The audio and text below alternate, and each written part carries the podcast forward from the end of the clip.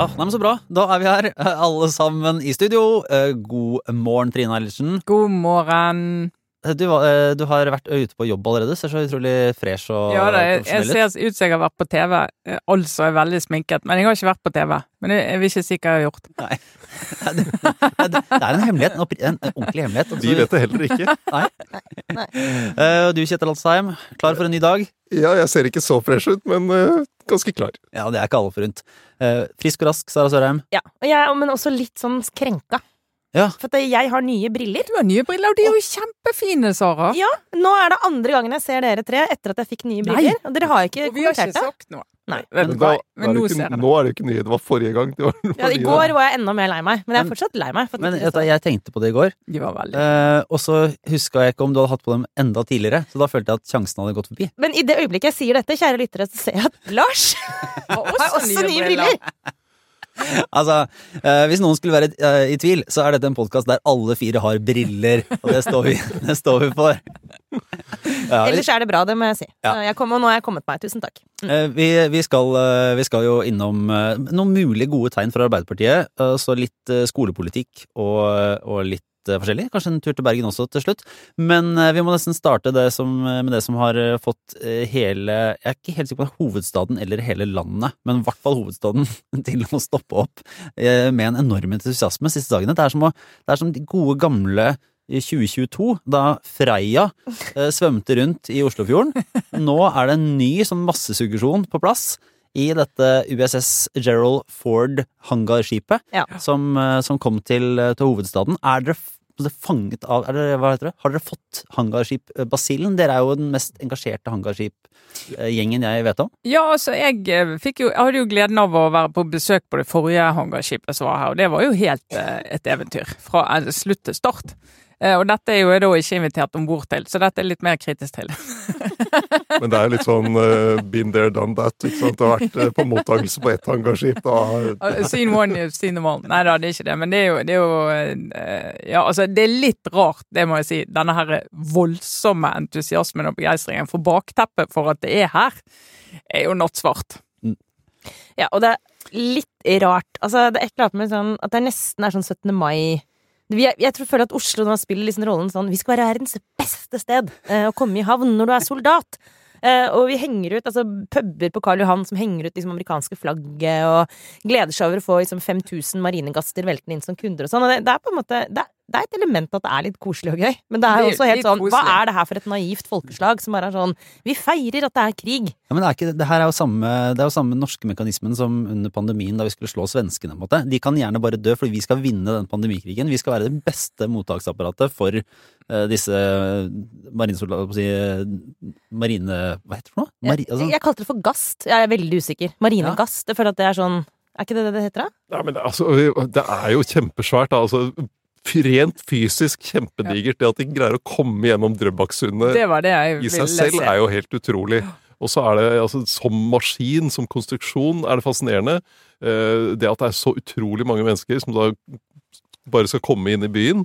Eh, og, det, og så da den sammenhengen. Ikke sant? Hva betyr dette skipet? Hva er det det symboliserer av eh, den norske eh, allierte USA? Betydningen det har for vår sikkerhet?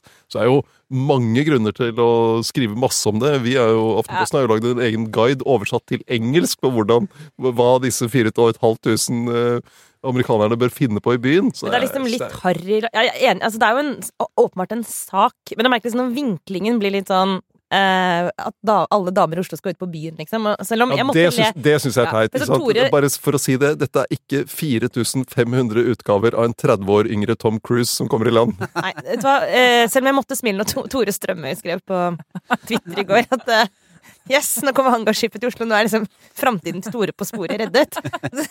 Det er litt morsomt. Det var litt Men, ja, det er morsomt. men det er også eh, Det er jo- det er jo- veldig harry Det er jo voldsom objektivisering av disse soldatene, da. Ja. Det er det jo. Jeg, jeg, jeg syns den beste på en måte, kommentaren var litt mer sånn Litt mer metafysisk, håper jeg. å si. Det var, altså Dagbladet har klart, som Dagbladet klarer, gratulerer med opplagsvekst, eh, Dagbladet.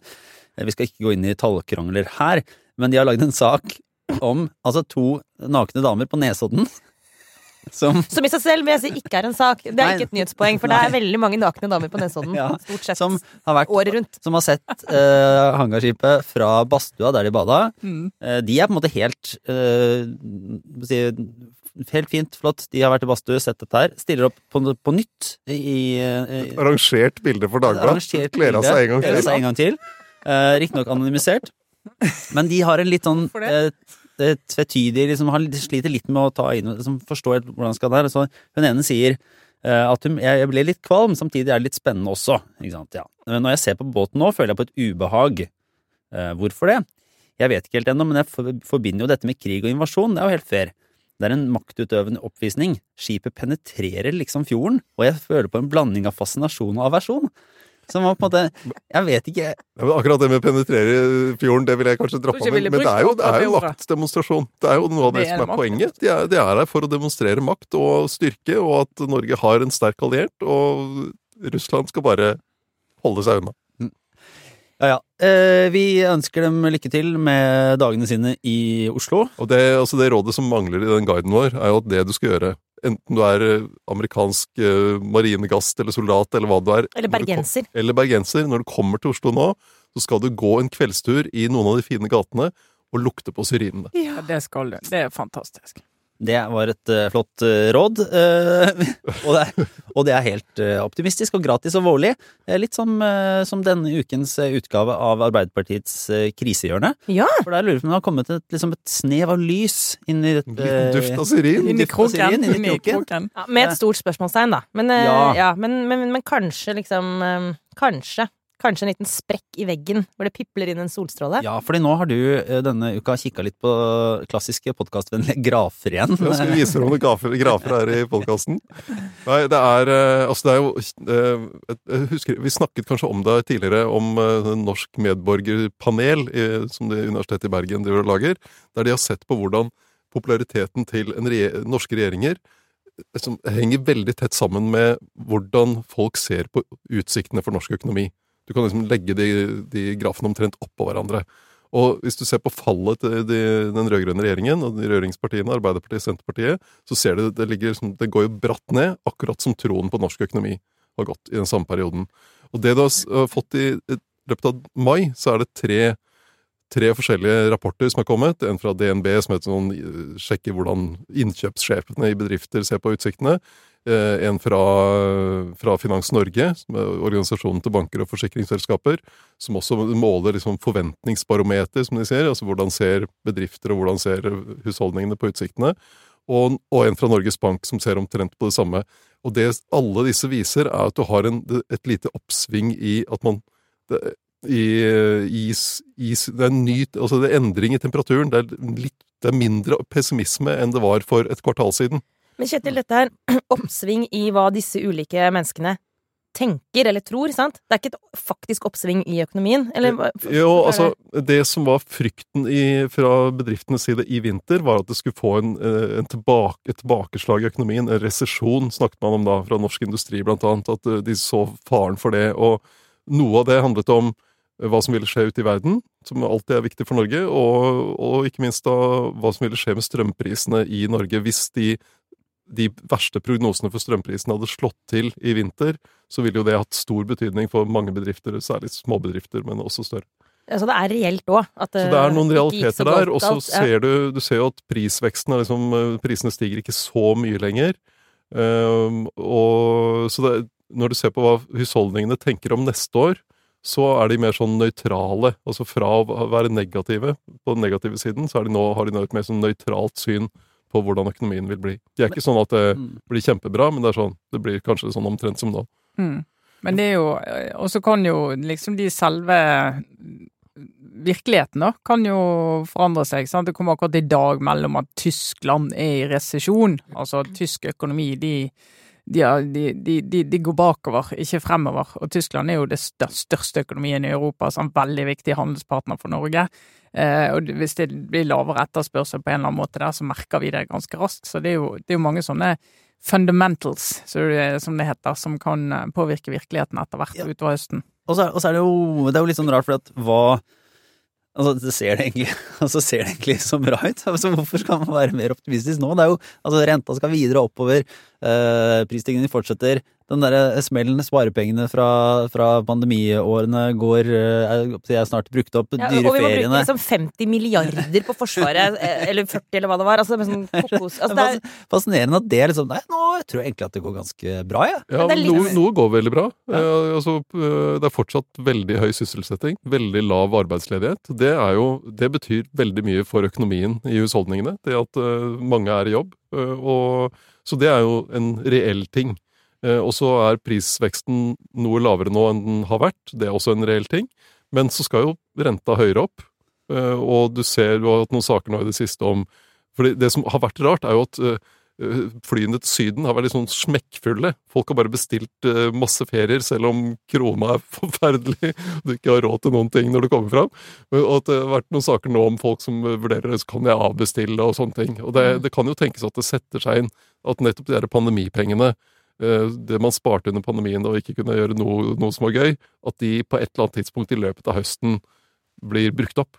Men da, da er spørsmålet egentlig for Arbeiderpartiet, da, så er det jo litt sånn eh, vrien situasjon, for de vil jo da ønske at øhm, at den smellen ikke kommer før Altså at folk, optimismen, skal komme tilbake, vokse, fram til valget. Men så er det jo sånn at altså, sentralbanken Vi vil jo stramme inn på pengebruken. Vi vil jo at folk skal på en måte oppleve at de har dårligere råd for at de skal bruke mindre penger og kjøle ned økonomien litt, og, og ting skal være under kontroll. Så Arbeiderpartiet må liksom er, De slites litt mellom sitt egen Ja, og ikke valgsuksess og liksom Ja. ja, altså, hva skal de si? Hva, hvordan skal de legge opp fram det, Tenk så fristende det er for, for Vedum å liksom sprette champagnen og si sånn Woho, det gikk bra. Altså, Men i, Disse- ja. i gamle dager, eh, da var det jo veldig vanlig hvis du hadde høy prisstigning, så var det jo på, på en eller annen måte sørge for at arbeidsledigheten økte. Og så har folk fikk dårligere råd ja. gjennom det, sant.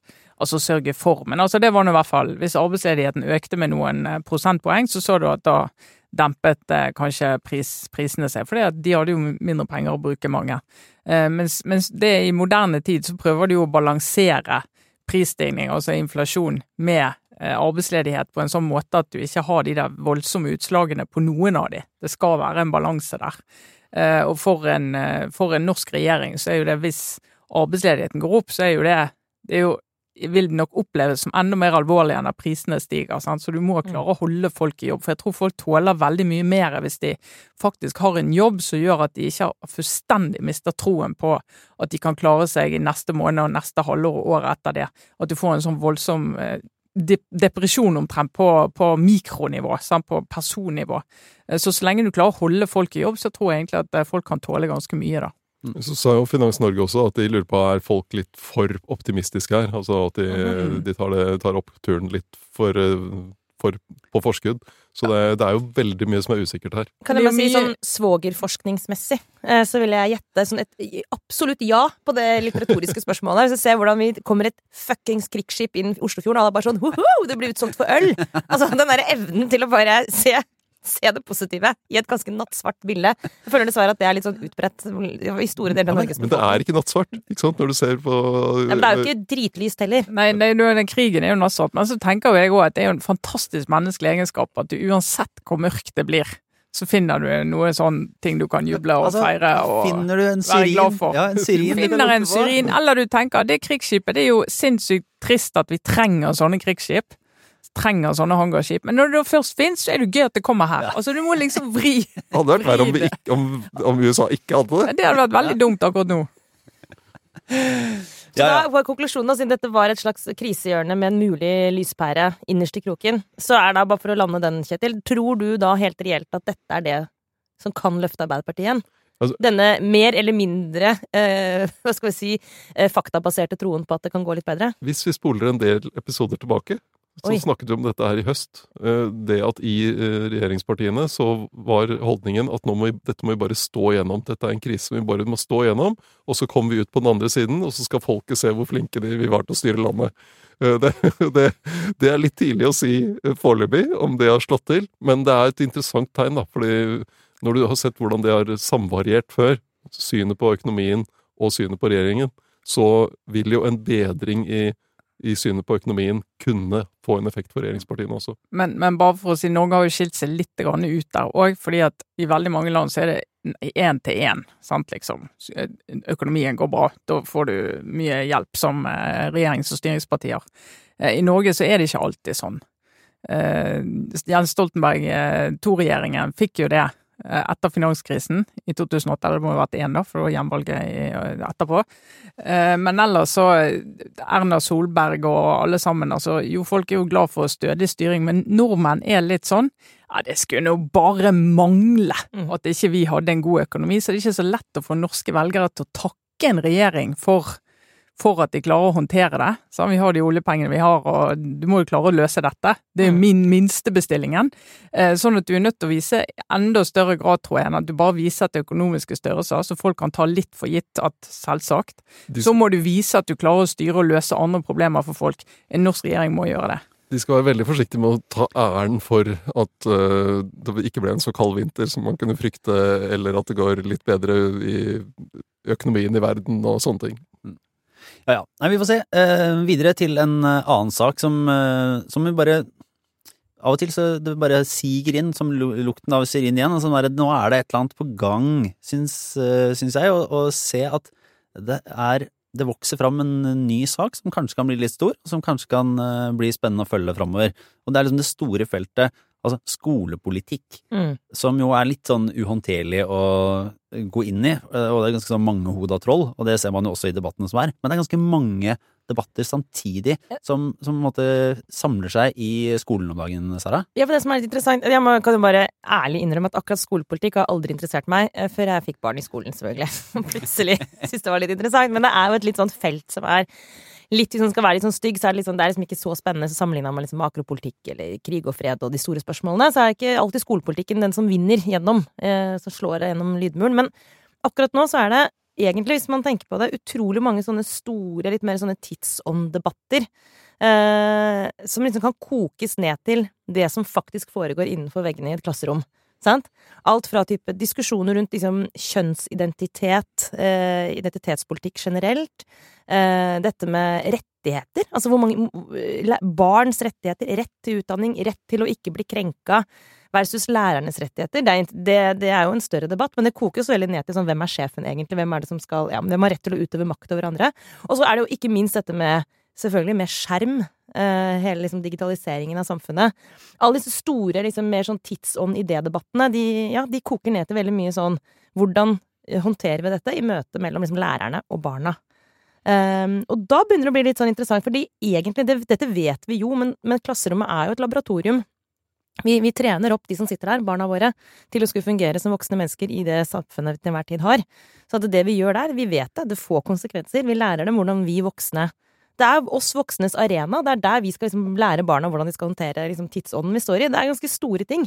Og når man begynner å se på det på den måten, så blir selv jeg litt sånn oi, shit, dette er et ganske interessant felt. Mm. Eh, og akkurat nå så er det jo også noen debatter som, uf altså de, som, som ikke er løst. Eh, så jeg vet ikke hvem du vil begynne med, Lars, men eh, det er jo flere diskusjoner som går nå egentlig parallelt. Ja, men jeg vet ikke om det er noen tanker om er, si, er det reelt at det faktisk vokser fram en ny sånn skoledebatt? Er det liksom de store tankene som, eh, som kommer ned fra, fra verden utenom? Eh, Eller er det liksom en sånn faktiske politiske endringer, eller noen som gjør sitt for å, for å løfte det som stridstema? Altså, en, en grunn til at det pipler opp litt nå, er jo at det er kommunevalg til høsten. Og skole er jo nesten alltid et tema i kommunevalg. Skole og eldreomsorg. Og det er jo sant, som du sier, Sara, hvis ikke du har barn som er i skole, eller eldre som Eller foreldre eller slektninger som På gamlehjem, ja. eh, får eh, hjelp i eldreomsorgen, så er det problemstillinger som du ikke er så engasjert i. Men det er til enhver tid veldig, veldig mange nordmenn som har eh, sine nære, eller opererer i begge disse sfærene. Skole eller eldreomsorg. Mm. Og dette er jo kommunens eh, oppgaver. sant? Dette skal kommunen løse eh, og levere til oss, disse tjenestene. Sånn at det at du får en skoledebatt inn, en type sånn i Oslo, eh, inntaksregler for videregående skole, sant, vil bli en debatt. Eh, og oppå der kommer denne diskusjonen om fraværsregel til å komme. Eh, Den innførte den forrige regjeringen. Eh, Den har vært veldig populær ute i, skogen, ute i skolen. Veldig upopulær blant fastlegene, og veldig upopulær blant eh, en del av eh, ungdommene. Eh, Og nå så du at Arbeiderpartiets landsmøte sa at vi skal skrote dagens fraværsregel. Ikke helt klar på hva skal komme istedenfor, men da ser du at da er det noen som ser, ikke minst Høyre, da, sant? og en del andre som ser at dette er jo noe som, vi, som har fungert langt på vei. Ta den, og så får du en debatt om det. Og da ut av det kommer jo den debatten også om disiplin, sant, og liksom forventning til elevene i skolen, og hva, eh, hva virkemidler har lærerne for å utøve sin makt i skolen. Denne paragraf 9a er veldig, veldig kontroversiell blant lærere, den, for den mener mange lærere har gitt elevene en sånn eh, monopol på å definere når de blir krenket. Mm. Ja, for det handler Eh. om, om, om elever som, opp, altså, som blir krenket eller opplever å bli krenket i skolen. Ja, og hensikten med Mm. 9a er jo å beskytte elevene mot mobbing og trakassering, og, og krenking, da. Eh, som det er veldig god grunn å, å beskytte de mot, men det, er, det er veldig sånn strenge regler for når skolen skal gå inn og agere på et varsel om en krenking, eksempel. Og en del skoler de har nok famlet mye. Det har skjedd mye rart. Vi og, vi og Bergens Tidende, særlig Bergens Tidende, har laget noen saker om det i det siste som er veldig sånn oppsiktsvekkende å lese om. Som har gjort at mange lærere opplever at de har en utrygg arbeidssituasjon. For de synes det blir helt uforutsigbart eh, hvordan de skal jobbe, og da trekker de seg heller tilbake og sier ok, jeg har ikke verktøyene. Og dette er jo noe som engasjerer veldig veldig mange foreldre og elever. da, Sånn at, at det er politikk og litt krutt i det, det, det tror ikke det er noe tvil om. Men det, det spørsmålet om på en måte det, den klassiske skillelinjene i skolepolitikken, i hvert fall de siste tiårene, har jo vært liksom øh, si, egentlig Høyreskolen og SV-skolen litt sånn Mm. karikert. Der Mm. Høyreskolen er måte mer disiplin, mer pugging. SV-skolen har vært eh, mer hensyn til liksom barns interesser, eh, legge til rette for eh, måte et bredere perspektiv enn en, øh, akkurat Ja, og mindre harde- måling, ikke sant. Færre, færre sånne typisk Altså ikke firkanter, men rundinger, liksom. Ja. Sant? At du skal kunne ha rom til elever som kanskje har andre styrker enn de mer sånn klassisk faglige, mer sånn teoretisk faglige, da. Eh, Og mindre lekser. Mm. Og, og mindre Ja. den typen Men- strenge regler. Men, men er det det vi ser nå, er det på en måte bare en egentlig direkte fortsettelse av det? Opplever dere det, eller tenker du at det er noe som Altså, det kommer nytt inn i det? Altså, det ligger jo noe i det, for du har jo helt denne eh, grunnleggende forskjellige holdningen til hva skal barna lære de første årene på skolen, hva er viktigst. Det er politisk eh, uenighet om det. Eh, og så er det jo hvordan skal lærerne følges opp, hvor mye skal de rapportere, for eksempel. Politisk uenighet om det. Eh, og hvordan skal vi teste disse elevene, finne ut om de er på sporet. Det er politisk uenighet om det. Eh, men det som er litt interessant politisk nå, det er jo at Arbeiderpartiet har kunnskapsministeren for første gang på eller skole, 20 år. på 20 år. Er det første gang siden Trond Giske? Ja. Eh, Det, og de har, når de er i, i Oslo, sant, byrådet i Oslo, så har alltid SV hatt det. Sant? Ok, dette er vår viktige sak, vi tar det. Og i den forrige rød-grønne regjeringen så hadde jo SV eh, skolestatsråden. Sånn at Arbeiderpartiet har på en måte eh, operert et sted som midt mellom Høyre og SV. sant? Liksom, jo, vi vil jo ha litt sånn eh, struktur og, og måling og oppfølging og litt tydelige krav i skolen, men vi vil ikke være helt Høyre. Eh, og vi vil ha litt av den, hva skal jeg si, varmen til SV, da, eh, hvis du skal karikere det litt.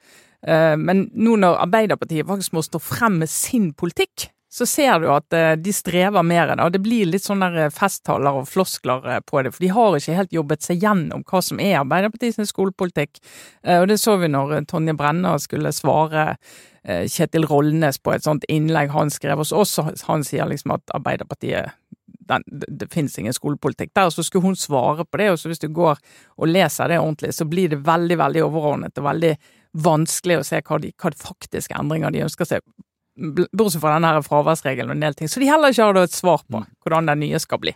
Ja, og Den eh, fraværsregelsaken viste jo det problemet. ikke sant? Der fikk AUF en slags seier på landsmøtet, og så kommer Tonje Brenna med en gang etterpå og sier vi skal, skal ha regler, Eh, og, og uten at hun har et svar på hva de reglene skal være.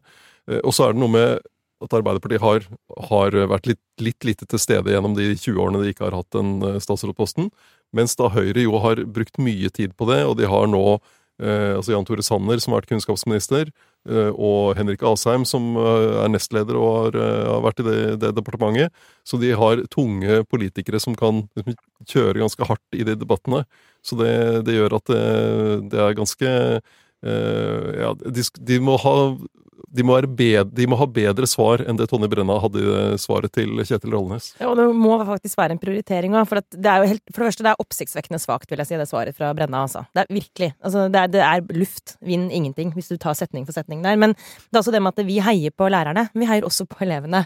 Vi vil gjerne ha en sånn sterk faglig, sterk faglig skole. Vi vil også ha rom for alle som er gode på andre ting, som liker gym. Eh, det er et eller annet med den derre eh, velmenenheten, absolutt. Eh, men, men syns akkurat fraværsgrensa egentlig er også et godt eksempel på at um, den, den, fungerer hvis målet er at du skal ha fulle klasserom uh, mest mulig av tiden. Hvis du skal holde på det målet, men vrake fraværsgrensa, så er det ganske sånn smalt. Altså, den verktøykassa du har da, altså, den er relativt tom, da. Sånn, jeg kan faktisk ikke helt se for meg Du, du, kan, du må velge en av delene. Og der, det handler jo om vilje, og det, der må hun liksom Der må hun vise et format hun ikke har vist foreløpig som statsråd, særlig fordi hun er jo eh, kronprinsesse blitt, skal på en måte kanskje være den nye løsningen for Arbeiderpartiet. Det er et eller annet Jeg tenker sånn Nå har du en mulighet til å vise at du er i stand til å drive realpolitikk, da. Sant? Ta noe, gjør noen prioriteringer, gjør noe valg, få til noe. Og så er det vel en sånn, det, kom, det er liksom syklisk dette her òg, for at det er liksom store skoledebatter, og så gjennomføres det reformer og endringer, og så får det leve en periode, og så ser mm. man litt sånn eh, Det begynner de faktiske evalueringene nettopp i det store eksperimentet, og, og viser litt resultater, og ser ok, hva, hvordan går det egentlig når man lar seksåringene begynne på skolen? Klarte man å følge opp målet om at det skulle være uh, mest lek og en myk inngang til skolen, eller, eller er det på en måte noen skeivheter i det? Fungerte mm. det å gi uh, iPader og lesebrett mm. og lærebrett til så mange? Og der er det jo liksom stadig flere det er vel ikke på en måte konkludert, men nå blusser liksom de faktiske politiske, konkrete debattene opp om var dette lurt, er det ja. noe vi skal skru tilbake, eh, er det noe vi skal vri på? Og da fungerer jo ikke helt den derre Arbeiderpartiet kan jo av og til egentlig se for seg at det er en fin posisjon å stå mellom Høyre og SV, fordi at alle de som plukker litt fra det ene og plukker litt fra det andre, kan liksom tenke at Arbeiderpartiet ligger der i midten. Men igjen, nå er det jo Mm, det blir satt på spissen.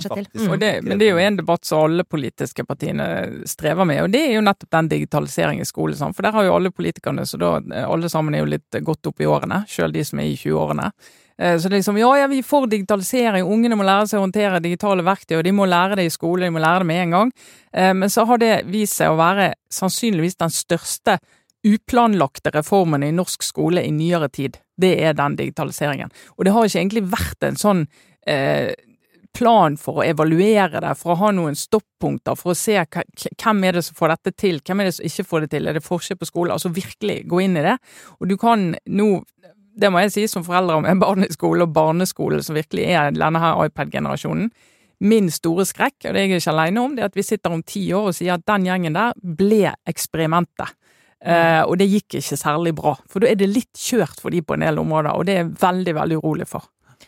Nå, nå, følte jeg at jeg fikk en sånn veldig tynn knagg, uh, men likevel en knagg, til å ja. bare si litt om Emilie Henger Mehl i FN. Er, det, går, er, er dere med? Altså, bare Du trenger ingen knagg, Sara.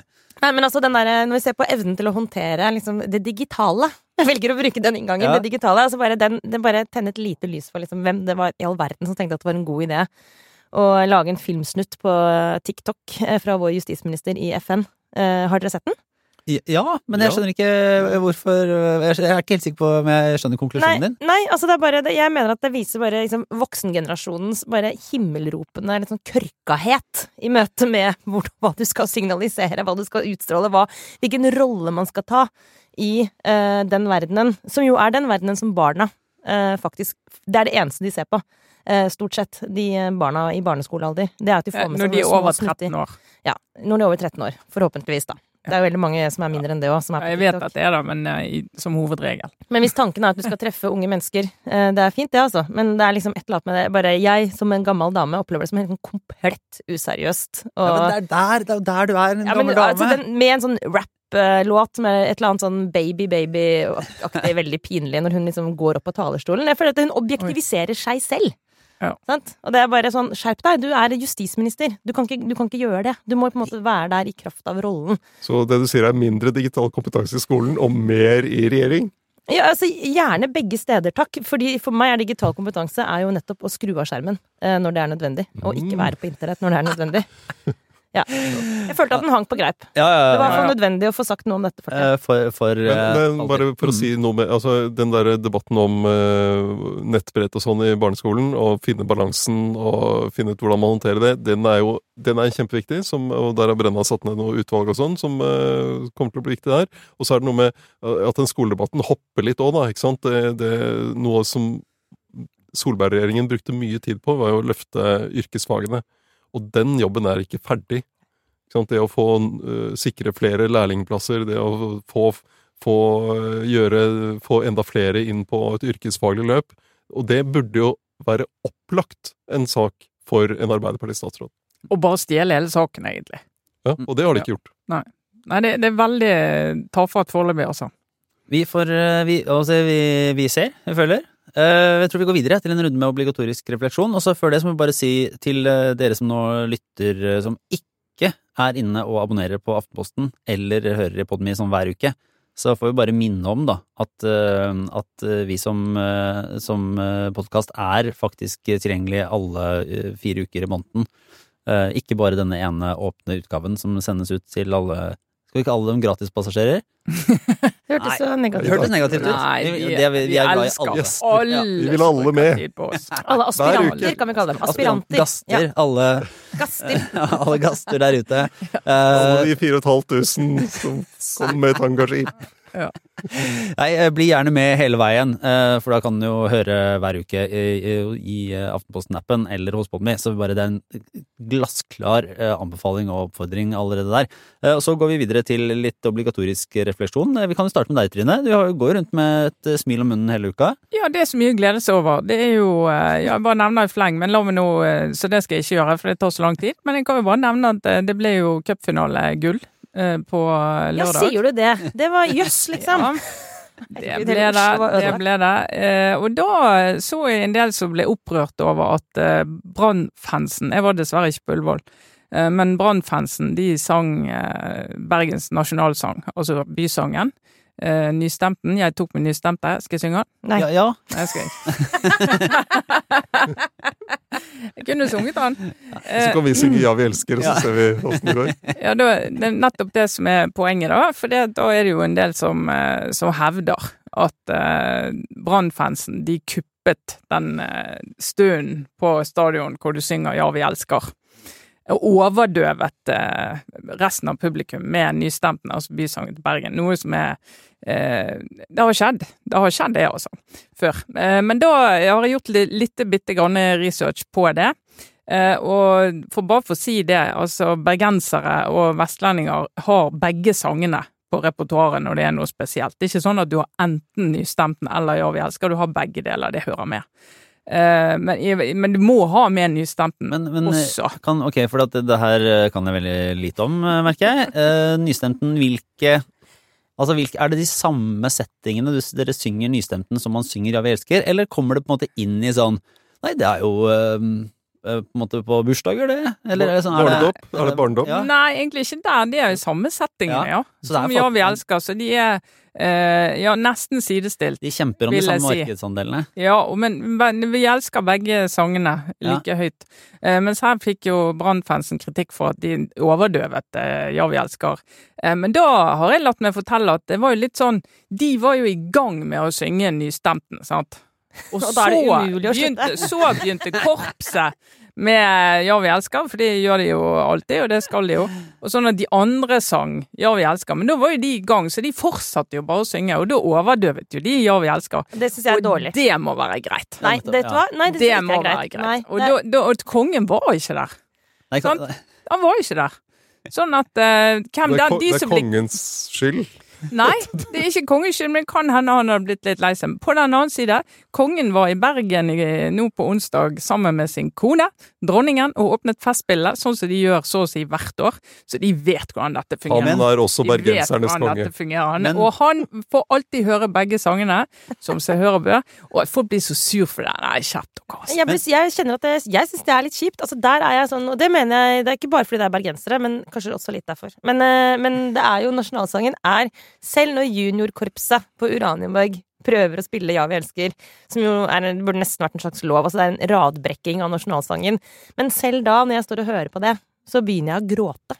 Fordi jeg blir rørt. Og jeg syns, jeg syns at Ja, vi elsker er Jeg syns det er en Men- fin tradisjon at man liksom retter seg litt i ryggen når man hører nasjonalsangen. og det gjør vi jo. Det Ja, gjør vi jo alle sammen. Men- alle gjør det. Men da Sara, Sara Sørheim, når Ja. du skal, denne helgen så skal du til Berlin og eh, dra på fest og være på Karpes avslutningsturnékonsert. Absolutt. Nå må du skru ned gamlis-tendensen litt Men- før du reiser på tur. Jeg satser på at gamlis er det nye liksom kule.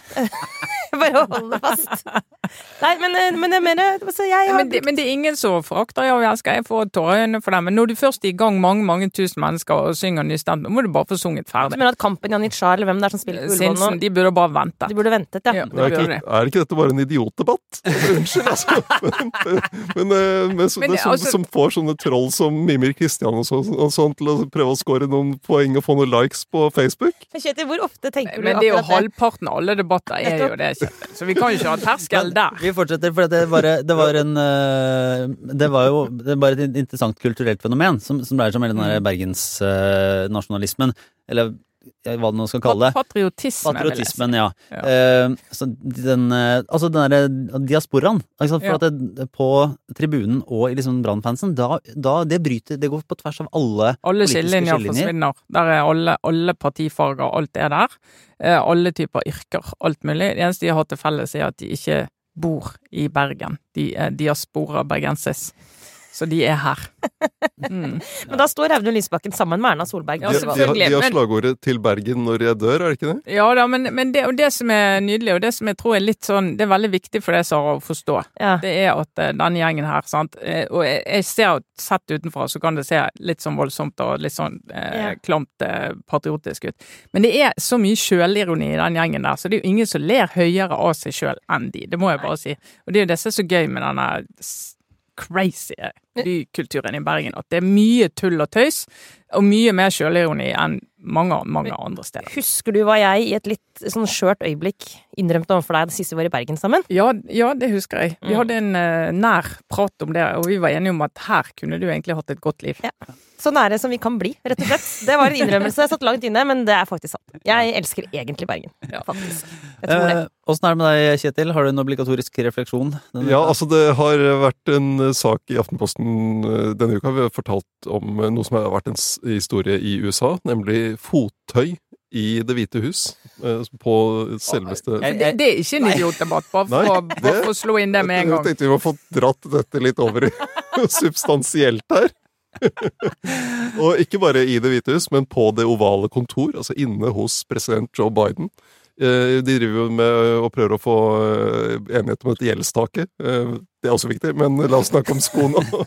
Og der har det da kommet ut bilder av eh, Der sitter det folk i fritidssko, er det vel riktig å si. Ikke joggesko, men sånn, sånn som eh, det er beskrevet. Sånn du- såler. Sneakers. Sni- Ja, men, ikke, ja, det er ikke, ikke joggesko? joggesko-sneakers, men liksom eh, sånn du kan gå når du skal ut og, på kjøpesenteret, eller eh, Men var det ikke, Komfortable sko, rett og slett. ja, men, og så er det ikke et eller annet med at det er sånne sko som er på en måte De er joggesko under, og så pensko oppå.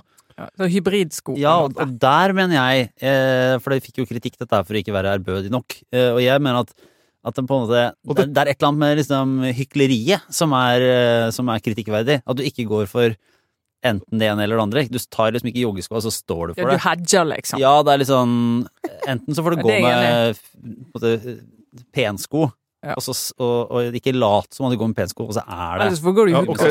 For å ta dette til norsk politikk, da. Enten så er du Bjørnar Moxnes. Ja! Han går jo bare i sneakers på Stortinget, så jeg kan ikke huske å ha sett ham i noe annet. Han trasker rundt, han er folkevalgt, landets nasjonalforsamling, lovgivende forsamling. Trasker rundt som om han skulle ture i skogen. Det, Men det det er er jo men, Moxnes. Så kan du jo Og så har du Sivert ja. Bjørnstad, Fremskrittspartiet fra Trøndelag, som har den der mellomskoen som i går. Har det? Nei, Ja, sånn mellomsko. han har mellomsko. Og så har du andre folk som har ordentlige sko. Men hva mener dere? Altså, er, er det greit å gå i jogges? Trine, du er jo du omfavner joggesko. jeg jeg er av joggesko, ja. Det Ja. er litt en etablert del av oss. Men Og dressmoten. I, det ville du hatt det hvis du skulle til Joe Biden. Nei, det hadde jeg jo ikke. Jeg hadde ikke gått til joggesko til presidenten. Nei, det hadde jeg ikke. Du må jo ha noen anledninger der du på en måte ja, markerer litt. Ja. Ja. Er vi enige om det, da, i Gamles-podkasten Aftenpodden? At vi må ha pene sko hos presidenten? Lars, Lars? nå står det på deg her. Ja, det, det vil jeg vel godt for, faktisk. faktisk. Ikke verken kortbukser eller eh, joggesko hvis jeg skulle til eh, Biden. Altså, jeg prøvde jo faktisk Dette, kan jeg faktisk, dette er godt, men ubekreftet uh, rykte. Men eller det er jeg som er kilden, altså. Jeg kan Ja. til og med si et godt og bekreftet. Altså, jeg prøvde en gang. Mange har glemt at Mimir Kristiansson, nå Rødt-representant på Stortinget, mye Og troll på Facebook, ja. Ja, ikke sant? Aktiv på Facebook. Han jobba i Klassekampen som politisk journalist. Og da var jeg på det tidspunktet kulturredaktør i Klassekampen. Og en gang han skulle på Stortinget, så stoppet jeg han på vei ut. Og prøvde faktisk, det skal jeg ha for, å si du kan ikke gå dit i shorts. Møtte tidenes kaldeste skulder. Og jeg bare innser jo at i avisa Klassekampen så var det sånn det der å komme og være sånn Unnskyld, hallo, du er litt for uflidd kledd. Eh, falt ikke i sånn supergod jord. Det var liksom ikke det det var ikke det, de, det var ikke det øret de hørte på. Men, men det husker jeg faktisk veldig godt, og da, jeg, da ble jeg jo møtt med det, liksom, ikke bare fra han, men fra hele redaksjonen sånn Hva, Eh, Borgerlige liksom. du holder på med. hva er dette for et høyreavvik? Men, men, men det tenker jeg sånn, man skal, hvis man er på Stortinget, så må man kle seg bitte litt formelt, og det tenker jeg at det handler ikke om borgerlighet, det handler bare om liksom, eh, rolleforståelse. Ja, og litt sånn respekt for Ja. anledninger. Det, det, sånn, du går i begravelse, for eksempel, så har vi jo- en dresscode der som gjør at hvis du bryter med den, så får du all oppmerksomheten. Ja. Og det skulle jo egentlig ikke handle om deg den dagen, det skulle jo handle om den som blir begravet. det, ikke, akkurat det tror jeg ikke plagde Mimir Kristiansson. Veldig. Men eh, du kan fortsette med din obligatoriske refleksjon, Sara. Jeg skal bare komme med en kort eh, anbefaling. Ja. Ja. Det er at det, dette er veldig veldig lite sånn tids... eh, Hva skal jeg si for noe? Her er jeg ikke en eh, forerunner, men jeg leser også den boka til Inga Strumke som heter eh, 'Maskiner som tenker'. Ja. eh, som handler om AI og kunstig intelligens. Nå vet jeg ikke om vi har om dere i Aftenposten har en regel om at man skal si KI. Jo. Jo. Dere har det, ja. Akkurat. Ser man det? Eh, Ja. A med, og si ikke A med kortbuksen, det blir feil å si. Dere sier vel også sånn skjermbrev og sånne ting. Men altså, ja, eh, altså kunstig intelligens, da. KI. La oss bruke det. Eh, som jo er på alles lepper. Men det som er greia, grunnen til at jeg anbefaler boka, er at nå snakker alle om kunstig intelligens. Vi lurer på hva det skal gjøre med verdenen slik vi kjenner den, osv. Men vi vet, altså Egentlig så er det ikke så veldig mange som vet hva er det vi mener når vi sier kunstig intelligens. Hva er dette for noe, egentlig? Eh, og det, der skal hun virkelig ha for at hun bare pedagogisk forklarer på en eksepsjonelt god måte hva er kunstig intelligens, og derfor gir det også sånne som er et mye bedre grunnlag for å, for å tenke. Altså, hun, hun sier også det er helt reelle farer, men liksom, når du først forstår hva KI er, så forstår du også hva som er faktiske eh, farer ved det, men du skjønner også hva du på en måte kan legge bort. Mm. Sånn, nei, det er ikke robotene tar ikke over verden på den måten du kanskje kan tro, som de gjorde i tegneserievarianten, liksom. Så det er en veldig, bare absolutt varm eh, anbefaling. Hun er også med i den dypdykk-podkasten til Aftenposten som om, om kunstig intelligens. Som er veldig interessant. Stemmer. Jeg skal eh, bare runde av kjapt med en uh, anbefaling til en uh, Hva skal jeg si, det er jo ikke akkurat en selskapsleke at du trenger å holde på så lenge med det, men jeg har hatt stor glede av, fordi at det er Succession eh, fanatisk ser om dagen. Eh, Riktignok et par episoder bak, så ingen spoilere. Nei. Eh, for jeg nå Det er så inn- bra. Det, Ja. det, er eneste- så jeg skal ikke spoile mer enn som så. Men da eh, er det bare obligatorisk å gjennomføre øvelsen eh, i selskapslivet i helgen, når man sitter og møter noen marinekaster eller ellers eh, koser seg i syrinduftende Oslo-gater og andre eh, gater i hele landet, som vi er så glad i. Eh, så er det bare hvem er hvem i Succession? Ah. Eh, for det er en liten Det er ingen duell Du er ingen du vil være. Jeg vet, jeg vet hvem vi fire er. Vet du? Oi! Mm. Det mener jeg er ganske åpenbart. Det er Eller vil si det er én ting jeg er i tvil om. Men det som er, kan jeg, skal vi ha litt tid? ja, ja. Altså, du er jo Roman. Nei. Lars. Trine? Det er jo opplagt riktig. Trine, du er Logan Roy. Og så er jeg litt usikker på Jeg har litt lyst til å si at jeg er Shiv, selvfølgelig. Men jeg er litt Ja. usikker på kanskje jeg er han storebroren, og du er Shiv, Du er Kendal, ja. Lurer på om jeg er Kendall. Hvem, hvem er det som er han presidentkandidaten? Broren, han Nei, Ja, ingen og som han, nei, han, han tror jeg ikke vi kan ta med. Nei. Det føler jeg er en fornærmelse, så det, jeg har mine, jeg har, men jeg har I have some thoughts. Ja. Hvem det kan være. Nei, nei. Ja. Uh, uansett, eh, det var det for denne uken. Vi er tilbake neste. Nyt helgen, alle sammen. Takk for nå. Dette var Ukens Aftenpodden. Ha det bra.